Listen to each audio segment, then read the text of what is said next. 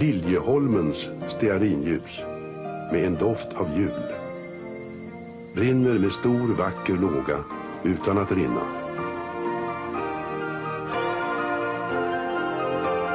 Liljeholmens, det självklara ljuset till jul. Välkommen till Danvik Stulp på Södermalm i Stockholm. Eh, ett område som präglas idag av trafik och nybyggda bostäder och man ser en skymt av eh, Hammarby sjöstad över vattnet. Men så såg det inte ut här för hundra år sedan. Det var illaluktande industriområde med helt annan typ av verksamhet. Och eh, bland annat så låg ett företag som heter Liljeholmen här och med mig har jag Anders Jonsson, näringslivshistoriker och Anders Liljeholmen stearinfabrik. Det här är ju inte Liljeholmen. Hur kommer det sig att de låg här? Nej, fabriken hade en mycket kort tidig historia just på Liljeholmen som då, då låg utanför Stockholms stad och det kanske var ett skäl till att Lars-Johan Hierta valde den platsen därför att det var inte samma hårda regleringar av verksamheten utan han skulle experimentera som den första i Sverige, eller rättare sagt det var hans medarbetare Johan Mickelsson som var kemisten som experimenterade. Lars-Johan Hierta hade stött på stearinljusen i, i besök i London 1837 och han var den första i Sverige som verkligen satte igång och försöka göra stearinljus i Sverige. Och I Liljeholmen 1839 så letade Johan Mikkelsson i en liten byggnad nära den dåvarande Liljeholmsbron försöka experimentera. Och det tog ungefär något år och det gick bra. Då insåg Hjärta att nu behövde han en mera ordentlig plats så att eh, 1841 så köpte han Hovingska Malmgården som ligger kvar här i solskenet, en färgargård från 1770 som han dels använde själv Hjärta som sommarbostad men sen byggde han upp fabriken runt det här området. Men då hade man sålt ljus genom hans tidning Aftonbladet och varumärket Liljeholmen var etablerat så att han bytte inte namn på företaget eller på ljusen utan det fick heta Liljeholmen fast det låg i Danvikstull. Lars-Johan Hierta förknippar man ju med Aftonbladet. Hur kommer det sig att han kom in i ljuskrängarbranschen? Han var för upplysning i alla dess former. Han fick en uppfostran i upplysningens anda och han via politiken egentligen så startade han tidningen Aftonbladet. Men han var enormt tekniskt intresserad. Han var ju inte tekniker själv. Men det här var ju en tid då många nya tekniker och industrier etablerades runt om i Europa och han snappade upp detta. Han hade förmåga att se tekniska möjligheter trots att han inte var tekniker och att knyta till sig goda människor som den här Johan Mikkelsen till exempel. Så att han engagerade sig i textilindustrier, i rederier, i skeppsvarv, i, i järnvägsbolag, i, i många fabriker. Så att det här var bara en av väldigt många engagemang men egentligen det företag som har överlevt idag förutom Aftonbladet då som, som mest förknippas med Lars-Johan Hierta. Hur framgångsrikt var Liljeholmen från början?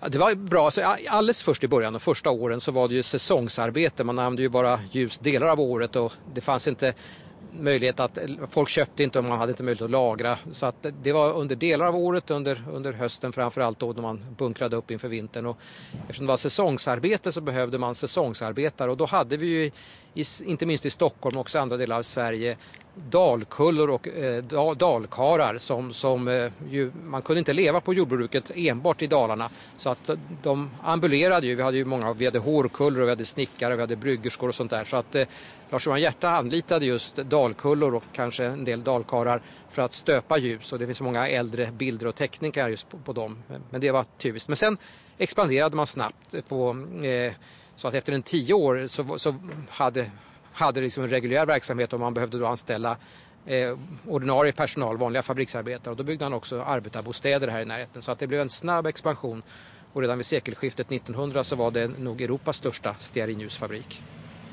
Om man tittar här omkring så är det parkeringsplats och eh, mest moderna hus runt omkring med det stora vita huset som heter väl Vita huset antar jag. Eh, men hur såg det ut här?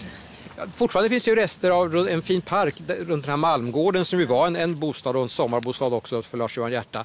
Men, men eh, successivt så byggde man ju inte alldeles in på huset därför att det här den här Malmgården, den här herrgården från 1700-talet, den blev sen direktörsbostad mm. långt under, in på 1900-talet. Så att man, man skyddade närmiljön. Men runt här så låg det ju fullt av fabriker och de, de, de rök och bolmade och man tillverkade ju tvål och en del ja, svavelsyra faktiskt också innan Hjärta etablerade en annan svavelsyrefabrik. Så jag tror att det var rätt sunkigt i de här trakterna. Det var inte lika ljust och fräscht då, som Hammarby sjöstad? Nej, just det. Hur revolutionerande var då idén med stearinljus under första hälften av 1800-talet? Ja, det betydde väldigt mycket. Man hade ju olika ljuskällor. Man hade rovoljelampor, man hade talgljus, man hade vaxljus. Och de bästa ljuskällan det var vaxljusen, men det var dyrt. Det förekom i kyrkan och det förekom i rikare, bättre bemedlade hem. Vanligt folk fick ha talgljus som var både mycket osade, var opraktiska och lyste inte särskilt bra. Stearinljuset blev, blev en väldigt viktig ljuskälla. Den var dyrare visserligen än talgljus men betydligt billigare än vaxljus och den hade mycket hög kvalitet och relativt lättskött.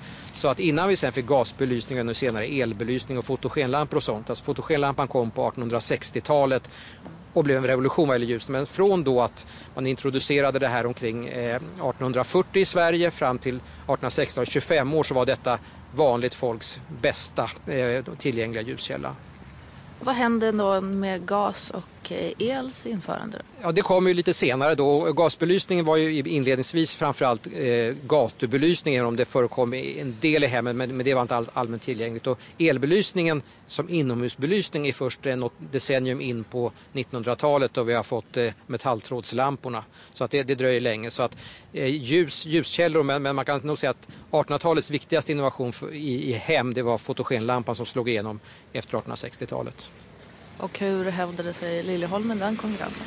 Alltså man, man eh, då, fortfarande var det ju kvar som en vanlig ljuskälla hos de som föredrog detta men sen blev det ju mer alltså, högtids och traditionsbelysning att, att man, man skulle skapa lite mer stämning så, har man, eh, så att det förlorade rollen som en vardaglig belysningskälla mot slutet av 1800-talet.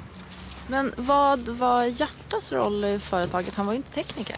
Nej, han sysslade ju aldrig med produktionen och varken att produktutveckla eller att leda fabriken. Han hade ju massor av olika företag han var engagerad i. Det var två saker. Dels var han finansiär, eh, så han hade gott om ekonomiska resurser.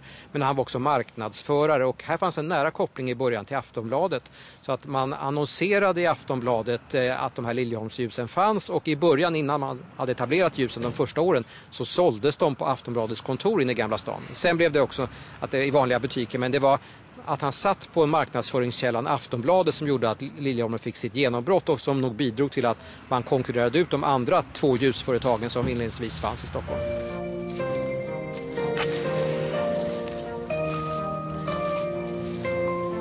Ska vi ta och eh, gå runt lite områden kanske? Liljeholmens. Just det, här står vi framför hans eh, sommarresidens, eller hur? Just det, och Lars Johan Hjärta, fabrikens grundläggare står det, bodde här 1841 till 1848 men han hade kvar sin bostad inne i Gamla stan så det här var nog mera säsongsmässigt han var här. 1848 så köpte han alltså Barnängen som var ett gammalt textilindustriområde bara några hundra meter söderut härifrån. Känt från Per-Anders Fogelströms Vävarnas barn till exempel. Men där grundade han då 1848 en sidenfabrik och då flyttade han själv permanent. Han lämnade sin bostad i Gamla stan och han lämnade det här eh, huset i, i Danviken till eh, förmån för att han flyttade permanent in i Barnängen och där grundade han en sidenfabrik som inte gick så bra eh, men sen eh, några år senare en bomullsfabrik som blev mycket framgångsrik och som levde vidare långt efter hjärtats död. Så han flyttade bara några hundra meter härifrån? Just det, och det, han, eh, jag vet inte riktigt hur han tänkte men han kände ju till det här förmodligen och kanske var det helt enkelt så att han såg att här fanns en fastighet han kunde utveckla för sin, sin en ny idé han fick då med, med siden, in, sidenväveri. Men när Hjärta flyttade härifrån från det här fantastiska gula huset då var fabriken fortfarande igång?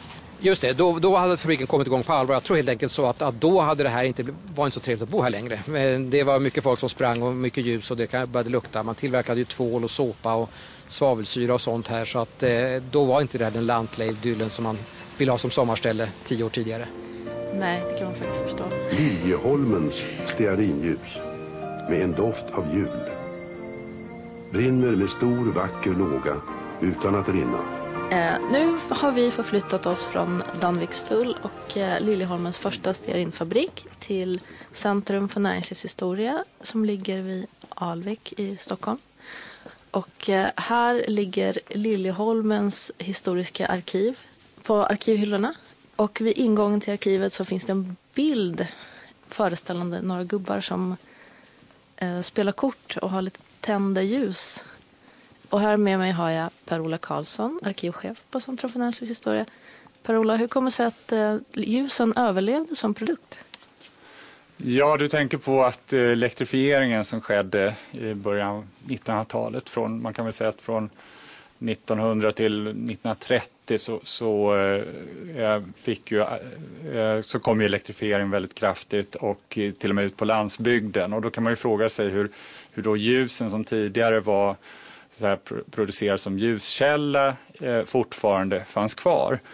Och svaret på det där, när man tittar på den här bilden kan man ju säga att eh, ser man att det är, väldigt, det är en mysig bild, mysig stämning. Man sitter och spelar kort i ljusens sken. Och, eh, jag tror att svaret är helt enkelt att man, man anpassade, ändrade produkten från ett vardagsbruk till eh, det som vi förknippar med ljus idag, mysbelysning helt enkelt. Är det någonting som Liljeholmet har aktivt jobbat med för att ändra den bilden på, av ljusen? Ja, det, alltså dels så, så, så ser man ju att eh, Liljeholmen var tvungna att anpassa sig under den här tiden.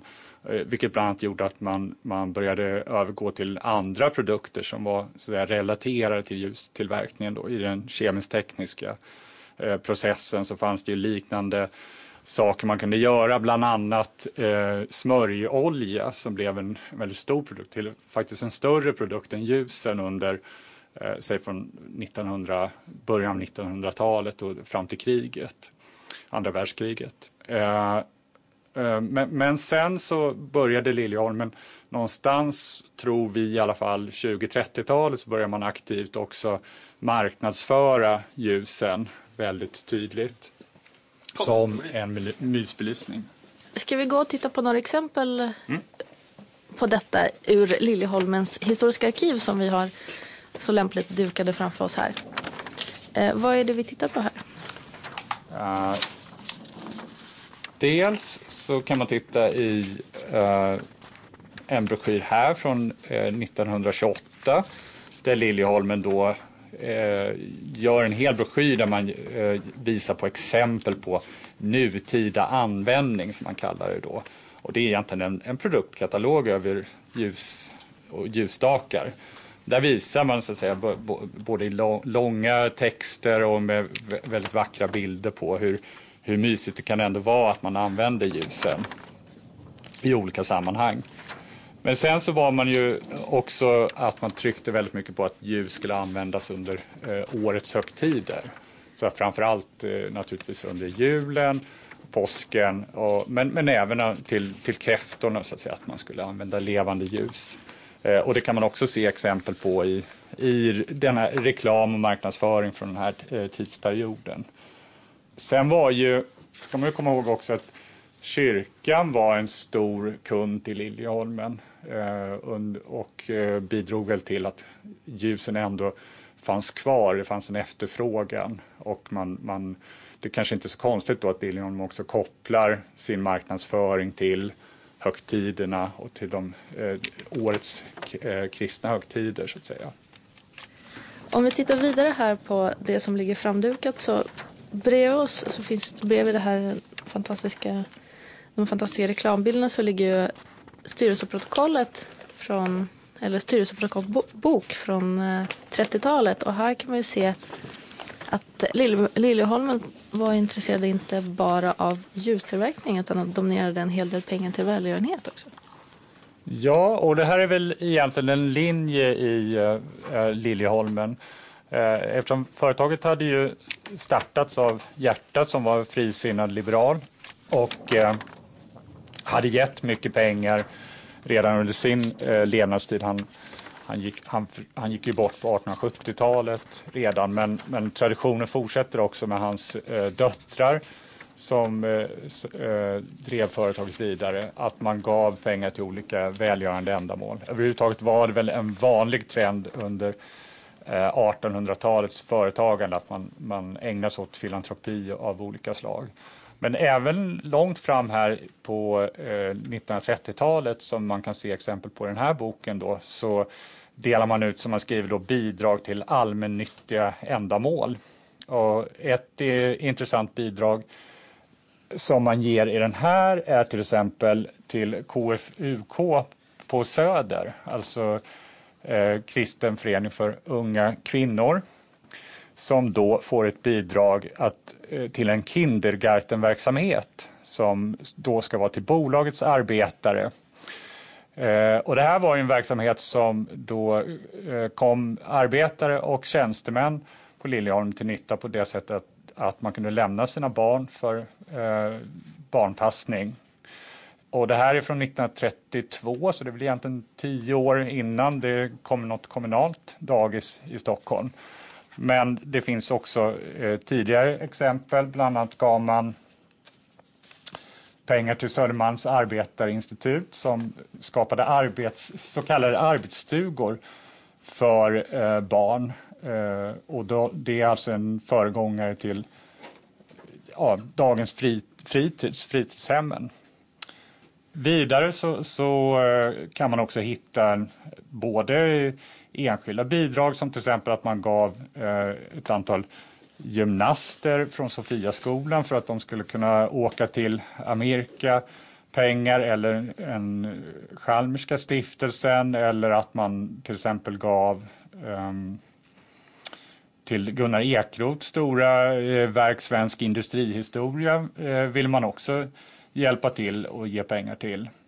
Sen finns det också eh, en, eller fanns en, en, tradition då att man gav ganska mycket bonusar eh, till arbetarna både på eh, midsommar och till jul. Gjorde man bra ifrån sig så, så ansåg man att det var effektivt att man delade ut olika typer av belöningar. Så årligen delades ut också eh, förtjänstgåvor till trogna arbetare när de gick i pension. Nu tror, tror jag att, att det här var ganska vanligt eh, bland företagen men, men jag tror samtidigt att Liljeholmen utmärkte sig lite extra med detta också. Så det gick bra för Liljeholmen trots eh, elektrifieringen helt enkelt? Ja, det verkar ju faktiskt så. Och eh, tittar man på eh, eh ljustillverkningen eh, ungefär 1970 då när man flyttar till Oskarshamn, då har, då har stearinljustillverkningen blivit så pass omfattande så att man växer ur lokalerna ner vid Danvikstull. Och eh, eh då säljer man alltså, eller, och producerar dubbelt så mycket ljus som man gjorde eh, i början av 1900-talet. Eh, då, då det var en, man använde de här som bruksföremål. Så att eh, det, det går nog förmodligen bra.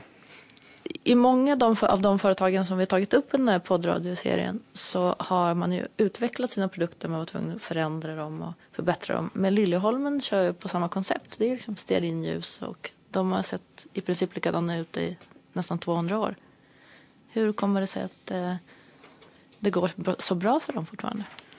Alltså, alltså det är ju intressant att det i, i grund och botten är det ju precis samma produkt som man tillverkar fortfarande. Och det är, eh, man, man har också jobbat med så att säga, traditionen kring produkten och man visar till exempel på de små, eh, på förpackningarna så kan man fortfarande hitta medaljerna som eh, delades ut under Stockholmsutställningen. Och det, jag tror inte att det är så vanligt bland många andra eh, produkter att man, att man så att säga tänker så eh, kontinuerligt kring sin produkt. Eh, samtidigt tror jag att man har en stor fördel när man ser sitt sätt att arbeta med sin produkt som en sorts history marketing helt enkelt. Att man använder det, det förflutna som en fördel, visar på att man eh, har funnits under lång tid och levererat kvalitet under lång tid.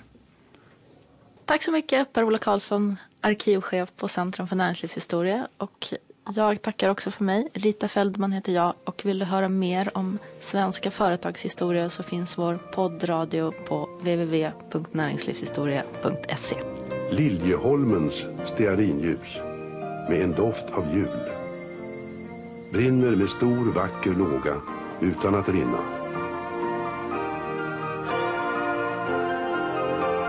Liljeholmens, det självklara ljuset till jul.